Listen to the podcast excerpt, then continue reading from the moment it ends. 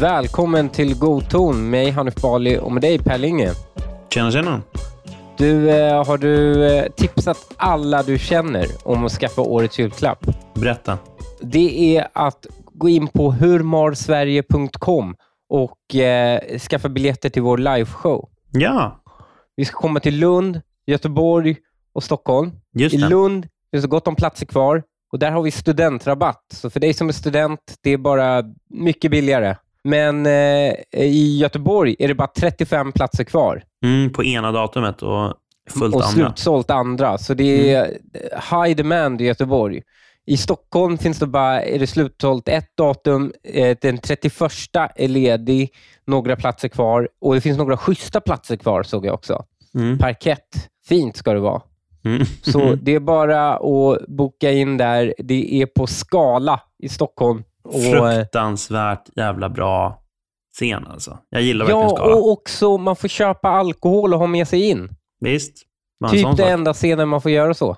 Ja, fan. Det är så sjukt att det är en pitch liksom. Ja, jag vet. jävla Jävla socialistiskt fascistland. samhälle. Otroligt. Men ehm, annars så gå in där. Hurmarsverige.com. Det är jätteviktigt. Och all teknik ska funka och sånt nu och det är bara att gå in och boka så syns vi där. Så kan vi. vi hänga lite i efter och före och allt sånt med publiken. Det blir jätteroligt. Det blir det verkligen. Ja. Eh, har du haft en bra vecka? Ja, men det tycker jag. Själv? Har du kommit in i julstämning? Eller nej, det är väl inte dagen innan julafton än, så du har väl inte ens någon jävla jul, liksom, något juligt uppe? Nej, men jag är i adventsstämning.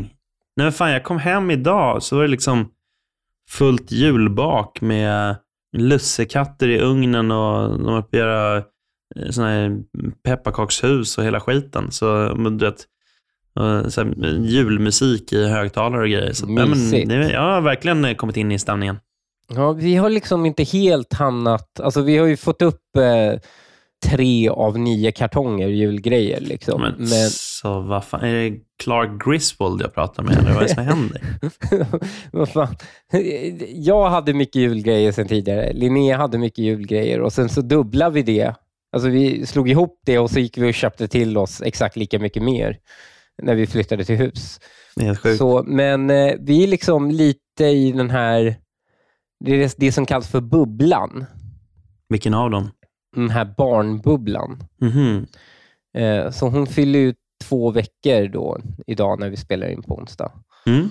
Och eh, Man har ju ett helt fucked up dygnsrytm på något Mhm. sätt. Och, och Jag går runt och har dåligt samvete att jag inte gör någonting annat än att här, gå upp, ta hand om det här barnet och gå och lägga mig igen. Mm. Men Linnea förklarade för mig att det, det är helt okej. Det, är inget- det förväntas inte mer av dig. Vad hade Liksom. du liksom tänkt dig? Eh, nej, men alltså, jag, bara, jag känner inte att jag förväntas något mer gentemot ungen, utan mer i livet. Alltså, man kan inte bara gå runt i mjukisbyxor hemma liksom, hela livet. Hur skiljer det här sig från när du var riksdagsledamot? Då, då tog jag på mig byxor ibland och gick runt hemma. Just det. Ja. Det Nej, men, när man är riksdagsledamot, då har man ändå vissa saker man måste göra. Du har voteringar, du har utskottsmöten. De, den tiden jag fick sitta i utskott. Du har ett gruppmöte du måste vara på. Under corona var det ju konstigt, för då var man ju liksom hemma hela tiden. Mm. Men då, man hade i alla fall hållpunkter eh, i Mm. saker du måste göra. Det enda hållpunkten jag har just nu, det är ju liksom den här podden Mm. och eh, varannan vecka måste en text in till Expressen. Liksom. Mm. Är, du, Eh, är du sen med texterna till Expressen? Nej, aldrig. Så varför är du sen till podden jämt för? Därför jag respekterar inte dig. Det är brutalt uppenbart. Men eh, man sitter hemma och sen så hamnar man också utanför nyhetsflödet lite, märker jag. Förut satt jag med mobilen hela tiden och, och, och scrollade liksom Twitter och nyhetsflöde och nu har ju min aktivitet störtdykit. Och det är inte för Va? att jag har någon Hur fan kommer det sig? Vadå, du, du sitter hemma och pillar i naveln med en unge på ena armen. Nej, Ja, för nej! sig, ena handen i naveln, andra på ungen. Det är klart. Då blir det inget över till mobilen. Nej, jag sitter med mobilen, men nu sitter jag och spel, spelar istället. Du vet, så här, ens det finns benägenhet. ingen logik i detta. Det Ja, väl jag vet. Ja, men, men det är någonting också, jag tror att man blir lite så här, får en aversion mot dåliga nyheter. Ah. Mm. Har du tänkt på det? Att man, man, man vill inte höra om allt hemskt i världen. Nej, för man är i en slags mysighetsbubbla där allting ska vara sockersött. Du får gå med i såna här mammagrupper där alla bara stärker varandra och applåderar till varandra. Vadå, vi ska ju på pappa-retreat, trodde jag. Men jag har eh, då, och då, eh, då, då jag har ju inga sådana här flash-appar där jag får flash längre. Men eh, eh, Linnea har det. Mhm. Och då eh, skrek hon till ur kök, från köket, skrev hon så här, "Ja, men Iran avskaffar sin sedlighetspolis, Mm. hon. Mm. Och, och jag Jag gick blev... i den fällan jag också. Och, och jag bara, jaha, det var ju, alltså, det var ju, det var ju väldigt lätt. Tänk, och jag läste den här nyheten och då stod det, det var så ironiskt, det var så här, Iran avskaffar sin sedlighetspolis, var flashen. Och sen under var det så här, Iran avrättar fyra demonstranter. Man kände de här står kanske lite Jo, mot men de gjorde det på, på liksom ett sedligt sätt. och, eh, och så visade det sig att det var en tidningsanka då. Mm. Man hade liksom övertolkat vad riksåklagaren sa. Han sa att moralpolisen inte hade en del i rättsväsendet. Mm. Och det stämmer ju, för moralpolisen är ju, en under, är ju ett projekt som polisen bedriver. Mm. Mm. Och polisen anses inte vara ett del av rättsväsendet. Det är en del av inrikesdepartementet, inte Mm. en del av justitiedepartementet helt enkelt. Mm. Mm. Så, och det här övertolkade alla i att så här, nu kommer Iran lägga ner det.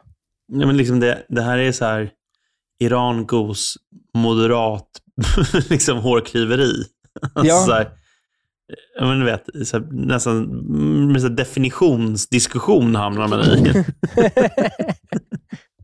Men också hur alla, hur kunde alla... Jag lyssnade på det talet som då chefsåklagaren sa på persiska och Mm. det var ingen översättningsissue. Det var bara att man så här, det var några som var så svältfödda på det narrativet att nu kommer det här sluta i en happy clappy democracy, Mm, det som sker mm. i Iran. Det, det finns ett extremt sug efter det som också fanns under arabiska våren, kommer jag ihåg. Mm. Alltså direkt efter att Mubarak avgick så satt alla i väst och liksom klappade sig själva på ryggen och kände att så här, nu går vägen, liksom, nu går världen vår väg på något sätt. Så här, friheten Ja. och demokratin har segrat. Ja. Och några så här, möjligheter till liksom, skepsism eller nyanser fanns ju inte då. Att Nej. det här kanske inte är bra nyheter. Mm. Och då undrar jag om det är inte samma sak här, att man bara sitter och hoppas på ett scenario som inte är realistiskt. Alltså för egen del, om jag får skjuta in det, så jag skrev på Twitter angående det här att jag liksom jag skrev just det så här, ja, men att eh, ja, det är hur stort som helst det där, men att, jag kommer inte ihåg exakta formuleringen, men ungefär så slängde jag in den brasklappen att så här, även om jag eh, tror det när jag ser det, ungefär så. Eh, och sen så sa jag just det, så här, men vad det än är, så är det ett tecken på att demonstrationerna eh, syns, hörs och gör skillnad. Eh, Mm. Eller någonting sånt. Och det vill jag ändå ha det till att i det lilla, alltså jag tror väl kanske inte på några stora mirakel, men den här typen av skeenden är ändå, alltså de behöver, att Irans regim överhuvudtaget behöver hantera den här nyheten Mm. är ändå ett, ett liksom i det mik- mikroskopiska, ett steg i rätt riktning. Alltså så här, om de, någons, om de någonsin ska falla så måste det liksom börja någonstans. Ja. Eh, och nej, jag, ja, jag ska inte föregripa din poäng, liksom. men eh, nyheten var ju inte riktigt vad den såg ut att vara, kan man ju konstatera. Men det, det har varit en tuff vecka. Eller tuffa veckor för de etablerade nyhetskanalerna. Både det här att tredje världskriget hade startat i Ukraina mm, och ehm, eh, eller i Polen då. Mm, Och nu det här med... Det gick till och med, jag såg till och med att eh, man har med hull och hår, hår svalt den här nyheten att man ska se över hijablagstiftningen. Precis. Och det här är ju bara metoder för att lugna ner demonstranterna.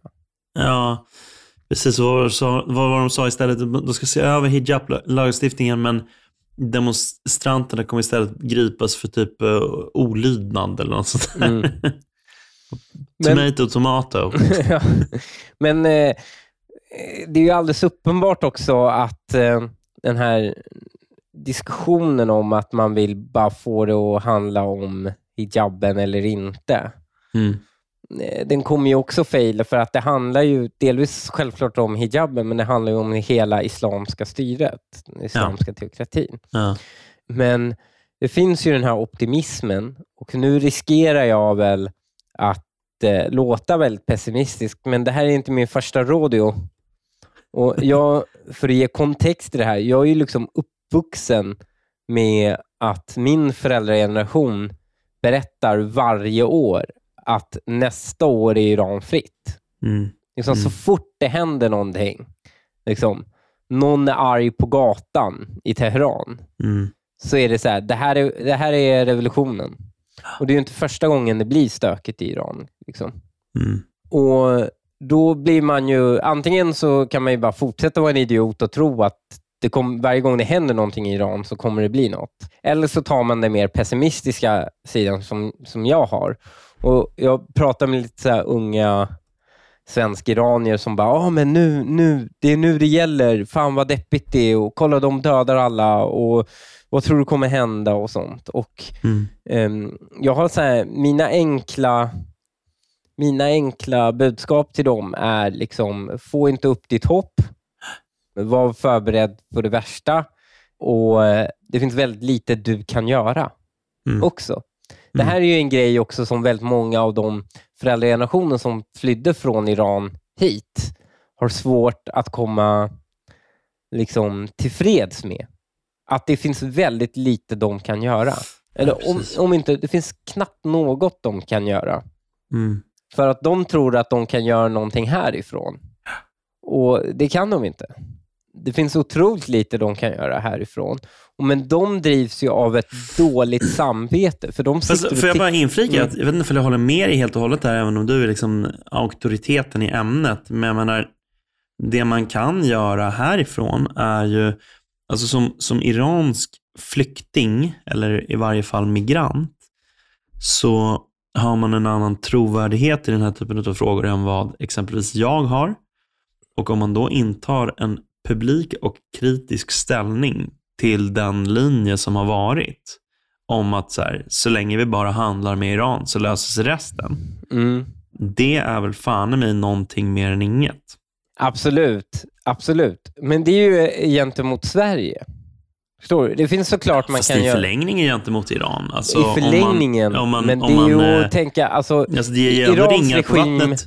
Det Ja. är ju ringar på vattnet ifall Sverige slutar legitimera regimen genom att handla med dem.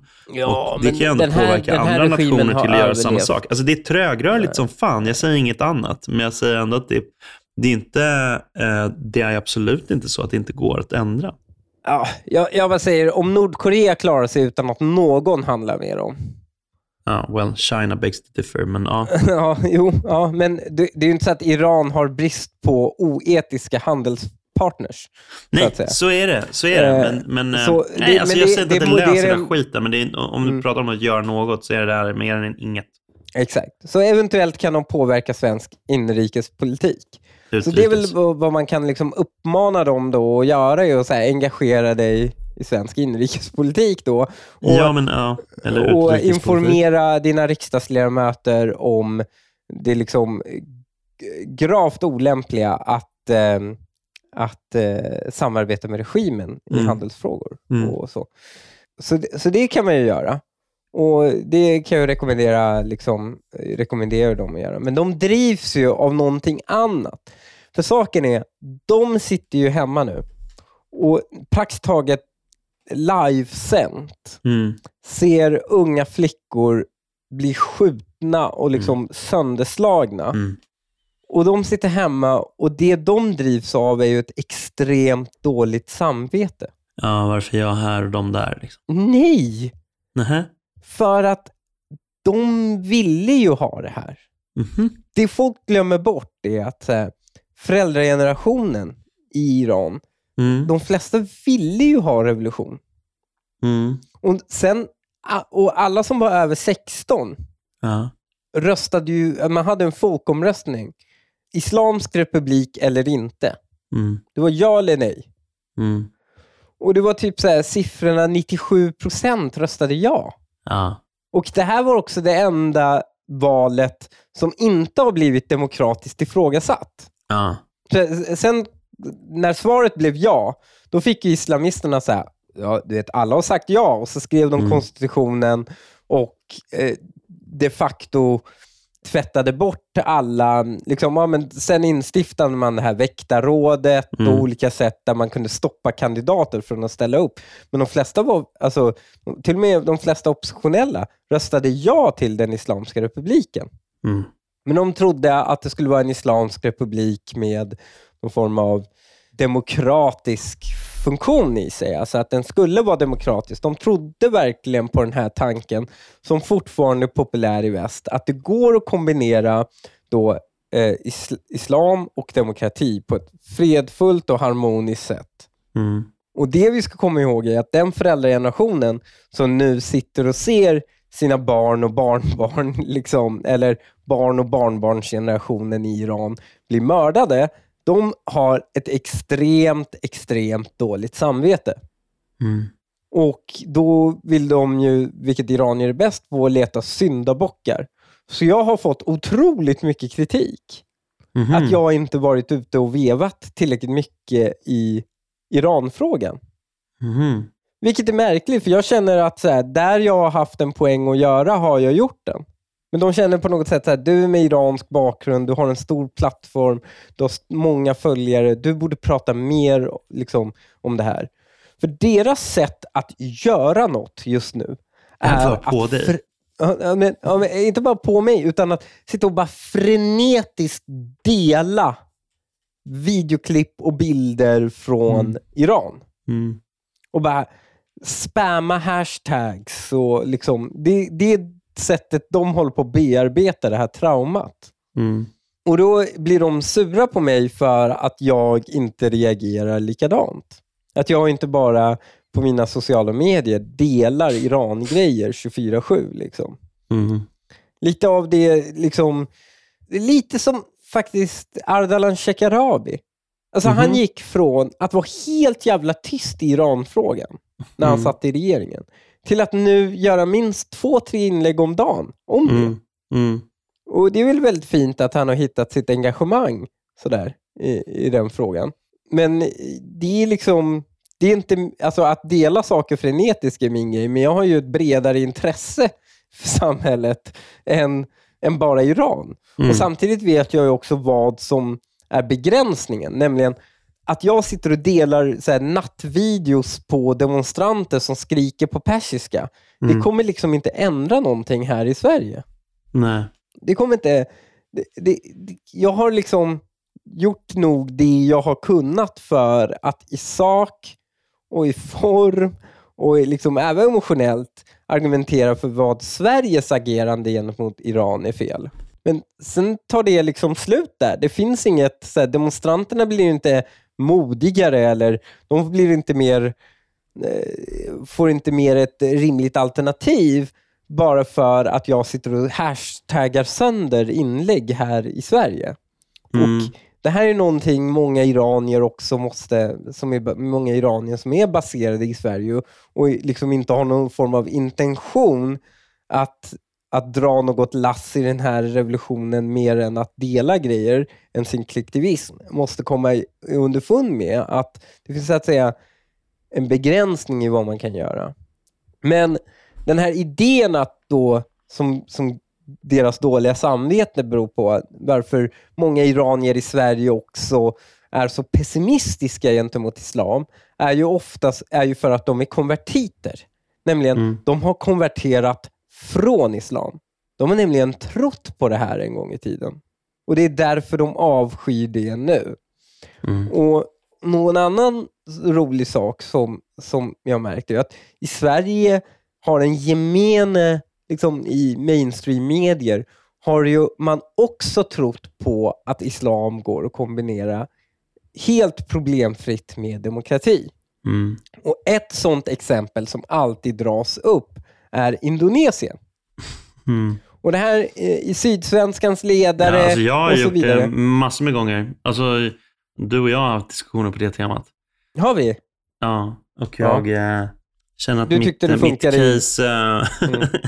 det, det är köpläge på den aktien. Ja, jag tycker om den här, eh, den här... Det fina med den här podden är att ju, ju mer tiden går, desto rimligare blir jag. Jag vet inte, jag känner att jag har blivit rimligare. Jo, men det har du nog. Mer, mer mångfacetterad och desto mer radikaliserad blir du. Vi möts liksom i mitten där någonstans. Mm. Vi Vi måste konvergerar. eh, sluta i ett avsnitt där vi bara ligger och hånglar med varandra. Och sen är, sen är det Nej, klart. nej. Om du dör skriver jag en bok eh, om dig istället.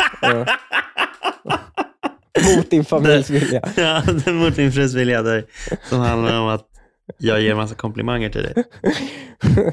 Vad fan? Jag, jag tycker det är ganska elakt mot Navid. Ja.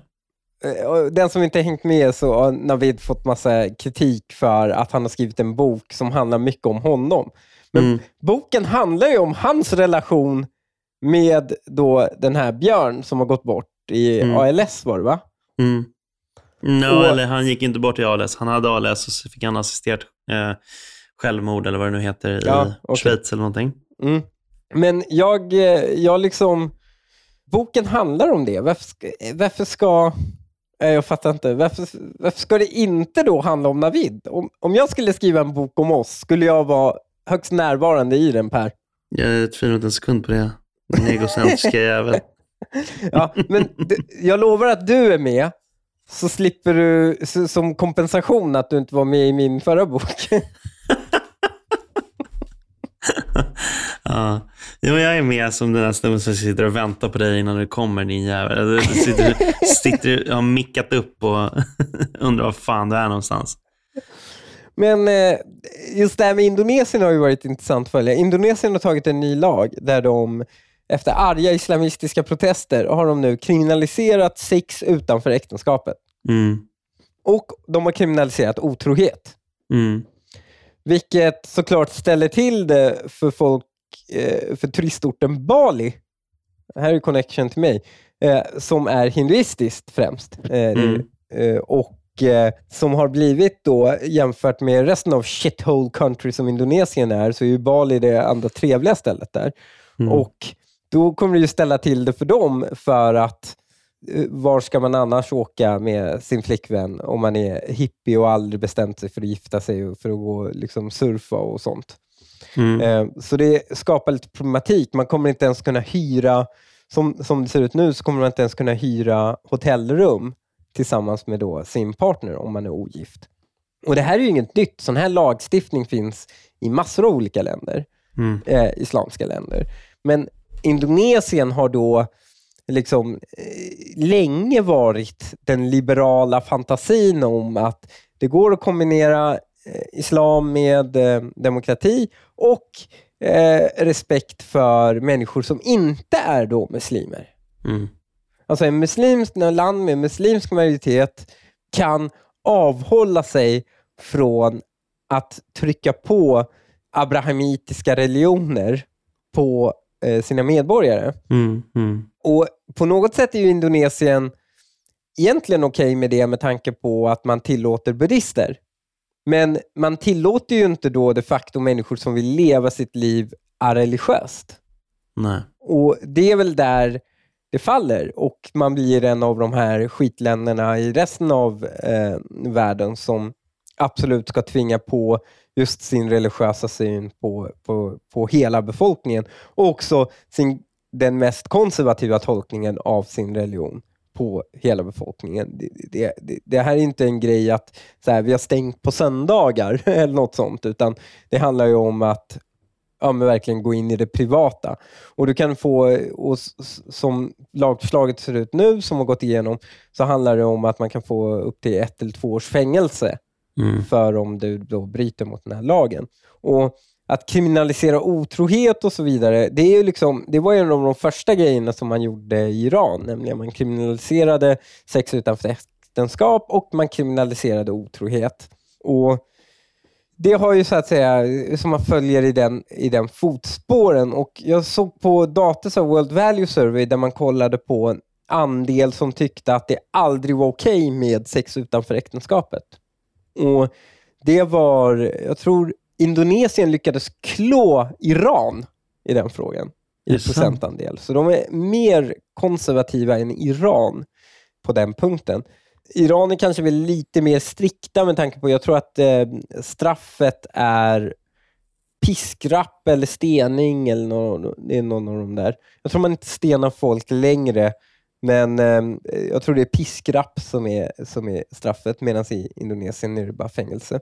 Så Eh, men i procentandel så är det alltså plus 70 procent anser att det aldrig är okej okay med sex utanför äktenskapet. Mm. Och det stora undantag, och så ser det ut över hela muslimska världen, med undantaget för Marocko faktiskt, där det var väldigt låg andel som tyckte det. Och, vad beror det på då? Ja, men, vet du vad? Jag har försökt reflektera lite över det och det konstiga i det här mönstret är ju faktiskt inte Marocko. Det konstiga är Indonesien. För Indonesien mm. är de nymuslimska länderna. Förstår du? De, de blev muslimska mycket senare än kalifaten. Mm. Så de har inte liksom arabiserats. De har Nej. bara blivit islamska.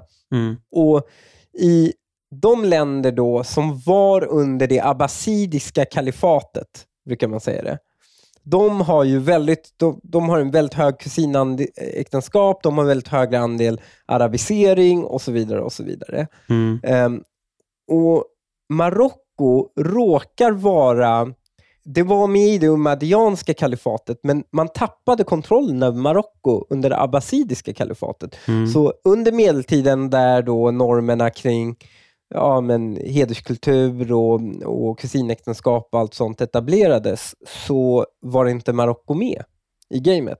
Marocko har fortfarande problem med islamister och salafism och sånt, men befolkningen är mycket, mycket mer chill än vad, i, i alla fall, de har så att säga andra problem, men de är, när det kommer till religiös åtlevnad så verkar de inte vara lika strikta, helt mm. enkelt.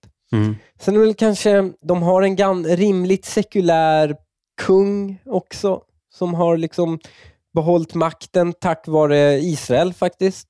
Då Israel gjorde, det finns en ganska bra eh, dokumentär om det här på Netflix, eh, då Israel eh, mördade oppositionen åt honom.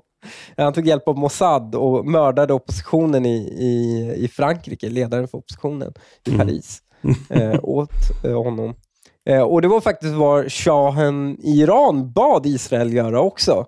Mm. Eh, och Då tänkte de så här, ja men eh, Khomeini, kan inte ni mörda honom? Han var också i Paris. Eh, kan, kan, inte ni ta och mörda honom? Så vore det skönt. Och eh, Israel eh, tänkte på frågan och sa de så här, nej men vi kan inte leka världspolis. Eh, du, du får mörda honom själv när han landar. Liksom. Mm. och Det flög inte. det gick inte så bra. Men hur som helst så, den här idén då om att kombinera islam och demokrati, den har ju då på alla sätt nu fallerat. Alltså förut var det ju vänsterns stora dröm att det skulle gå i Iran. Olof Palme hyllade ju Iran. Han sa att man eh, minutiöst eh, byggde upp eh, demokratin, eh, mm. sten för sten. Eh, mm. lade man fundamenten för en demokrati i Iran. Mm. Och det har ju alltid varit drömmen, men det liksom fallerar varje gång. Mm, mm. Och nu när Indonesien då liksom har gått denna mörka väg så undrar jag, liksom, vad kommer de dra upp näst? Mm. Och Jag tror att det blir faktiskt kanske Bosnien. -hmm. Alltså det är ju ett väldigt, alltså de är ju, de, här, de mest sekulära muslimska länderna är ju de exkommunistiska. Ja. För att kommunister är riktigt, riktigt bra på att hantera religion. faktiskt. Eh, och inte bara religion, utan religiösa rester av religiösa värderingar. Mm. För du kan inte bara förbjuda religion som albanerna gjorde, utan du måste ju också tackla de värderingarna som har då genom generationerna formats av till exempel islam.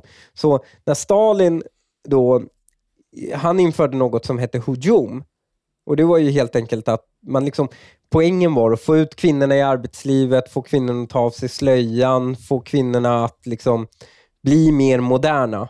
Mm. Eh, och på det sättet försöka få bort många av de här värderingarna. Och I den islamska världen där sticker till exempel Kazakstan väldigt mycket ut. Det är ett muslimskt land, men man eh, har mycket, mycket lägre andel som anser att eh, eh, man, man måste, till exempel, som tycker att det är fel med sex innan äktenskapet och, och sådana saker. Så det, så det är en tydlig sån skillnad. Och innan Borat-effekten.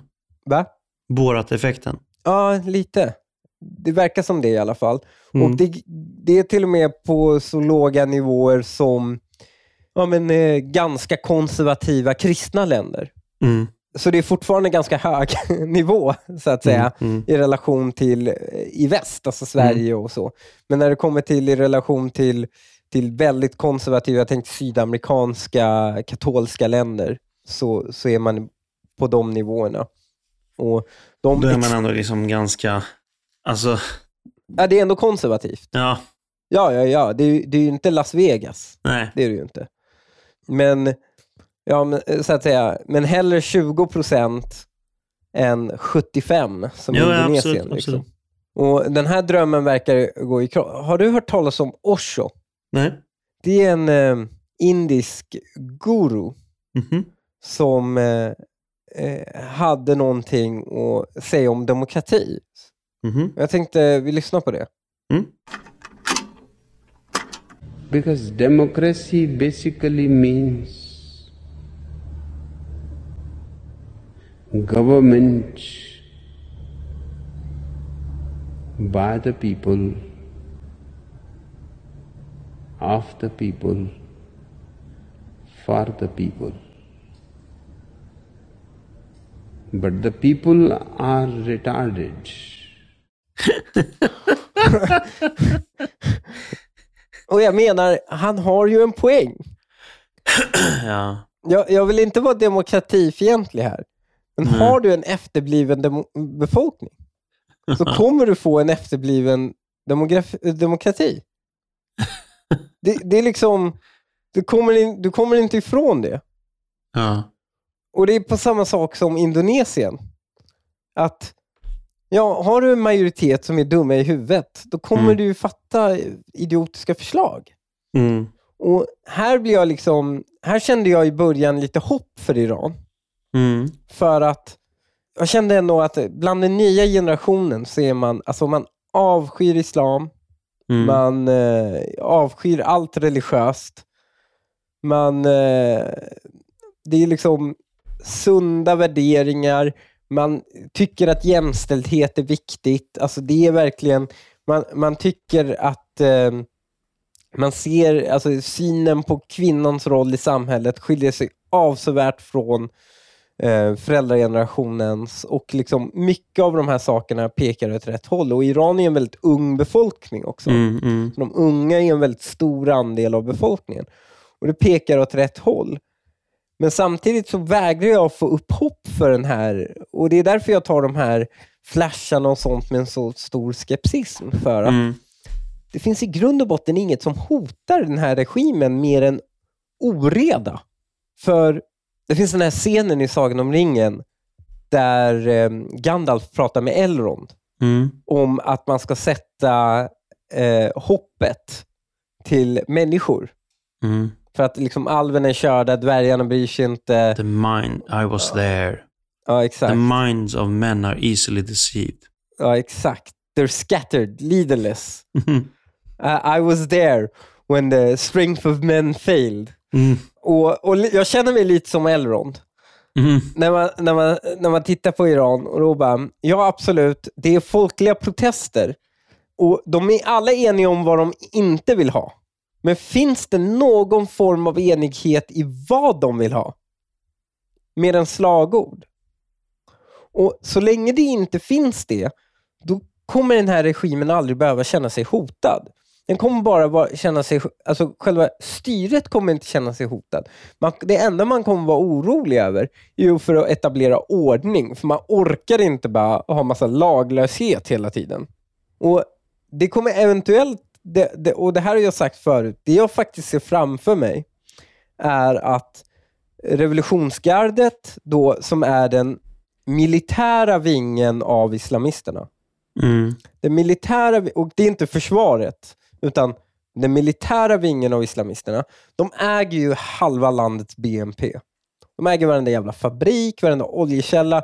100% att de äger hälften av den här Scania-fabriken som Wallenberg har byggt eh, nere i Iran. 100%. Alltså jag, det, det finns ingen deal som görs och de är inte med på det. Och Det här är en sån här situation som fanns i Egypten under sin revolution. Egypten, 60% av bagerierna i Egypten ägdes av, förs- av militären. Du vet, så här, de tänkte inte låta sitt land förfalla. De tjänade ju pengar på det här. Mm. Det är liksom, Och det är klart att då, då plockar militären ihop då. Om, om den, styret inte klarar av det, då kommer militären hoppa in. Och här är ju samma sak. De som har starka ekonomiska intressen är de som är mest beväpnade och mest våldsamma. Och, men samtidigt så tror jag att de är mest kompromissvänliga. Nämligen, de kommer ta över och så kommer de göra en Kina. Och så kommer de säga, vi är, vi är en islamsk republik. Mm. Men det här med hijaben kommer vi, det skiter vi lite i. Men vi är en islamsk republik. Styret får inte ändras så de kan fortsätta mjölka landet på pengar.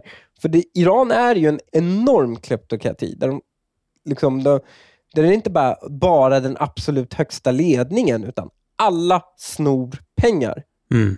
Och Man gör det utomlands. Eh, man gör det för att liksom, man, man, deras barn lever i absolut lyx i väst. Liksom. Och Det kommer man inte vilja se hotat. Så därför kommer liksom, jag tror att den långsiktiga trenden för Iran är inte någon form av demokratisk opposition som tar över och bildar en demokrati. Utan att den vapenmakten, eh, eller Sepah som de heter, väckte, de tar över makten från då de här politikerna och sen så eh, och de facto mullorna, utan de då styr som en militärdiktatur och ser mellan fingrarna på de sakerna som människor stör sig som mest på, men fortsätter stjäla ur landets, liksom, stjäla eh, Mm, ur landets mm. resurser.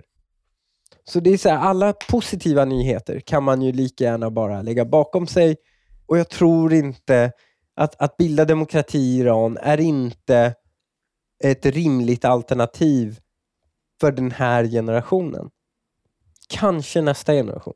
Hur krattar man bäst ge- manegen för nästa generation? Vet du vad? Alltså, vi- pratar du om ett svenskt perspektiv? Mm, Både och. Alltså, en sak man kan göra som man aldrig gjorde för exempelvis, som man gjorde för exempelvis Tjeckoslovakien, Mm. var ju att man investerade i att bygga upp demokratisk infrastruktur i oppositionen. Mm. Nämligen man tog engagerade ungdomar och så vidare och sen åkte de på resor till väst. Och Sen så visade man dem då hur institutioner byggs upp, på vilka värderingar de gör det, vad som är viktigt och så vidare. Och så åkte de tillbaka och sen var de, behövde de inte absolut vara politiskt aktiva, Nej. men de fortsatte då liksom vara engagerade i Iran. Sättet vi har gjort det i Sverige, eller i väst, är ju att vi mjölkar ju Iran på alla deras ”best and brightest. Vilket man inte liksom heller ska hålla emot väst. Varför ska de inte göra det? Man mjölkar Iran på alla best and brightest. De blir så här assimilerade in i väst, så de inte förstår Irans, iransk politik och det iranska läget. Och sen så hoppas man på något sätt att de här magiska ska återvända en dag och bygga Iran. Och Jag hamnade i en diskussion med min morsa om det här. Då hon bara, ah, men många har frågat varför du inte är engagerad. Alltså blir du fritt i Iran, då kommer dina krafter behövas. Jag, bara, alltså jag är uppvuxen här sedan jag var tre år. Jag, Mm. kan fan, jag kan mycket om Iran på grund av att mitt intresse på grund av min Mm, bakgrund mm. är Iran. Men jag kan ju inte det iranska folket. Nej. Jag kan, jag kan det svenska folket. Mm. Men jag kan ju inte hur de bedriver affärer, hur de ser på relationer. Fuck, jag kan inte ens prata språket. Nej. Vem vill rösta på en politiker som inte ens kan prata språket? Mm, mm. I och för sig blev Amineh Kakabaveh vald här i Sverige, men, men, men, men förutom det så är det ju vanligtvis att man måste ju göra sig förstådd på något Mm. sätt. Mm. Alltså, jag kan ingenting om iransk styrelseskick. Jag är inte uppvuxen där. Jag kan ingenting om dem. Och Det är därför också eh, när här liksom, idéer som finns om att folk kommer hit och sen ska andra eller tredje generationen återvandra också är så orealistisk. För att man har liksom, jag kan ingenting om Iran. Min enda relation med Iran är med min, jag kan liksom jättemycket om svensk-iranier, jag kan jättemycket om internationella relationer från väst gentemot Iran. Jag vet liksom hur landet, jag vet kanske mer än någon average här i Sverige. Men jag kan inte, jag vet inte, om någon skulle luftlandsätta mig som politisk sekreterare i iranska parlamentet, jag skulle fan vara vilse. Jag skulle Mm. inte ens kunna läsa liksom, eh, utrymningskartan. Så liksom, det finns någon naiv idé hos den här föräldragenerationen att säga, ja, vi lyckades inte, men våra barn kanske. Mm. Och då bara, fuck it! Ni fuckade upp. och er genera- nästa generation som ni har då planterat här i väst, de kommer inte vara er till hjälp för att kunna återgälda era synder. Nej. det är det iranska folket själva som, det är upp till deras händer. Och vi kan hjälpa till utifrån genom att hjälpa dem. Men det är inte vi som är de avgörande för om Iran blir bra eller dåligt. Det är det iranierna själva. En inte helt ovanlig konstruktion om man säger så. Alltså, eller ja, situation. Nej. Det var inte allt för den här veckan. Vill du lyssna på hela avsnittet så går in på patreon.com godton och bli Patreon.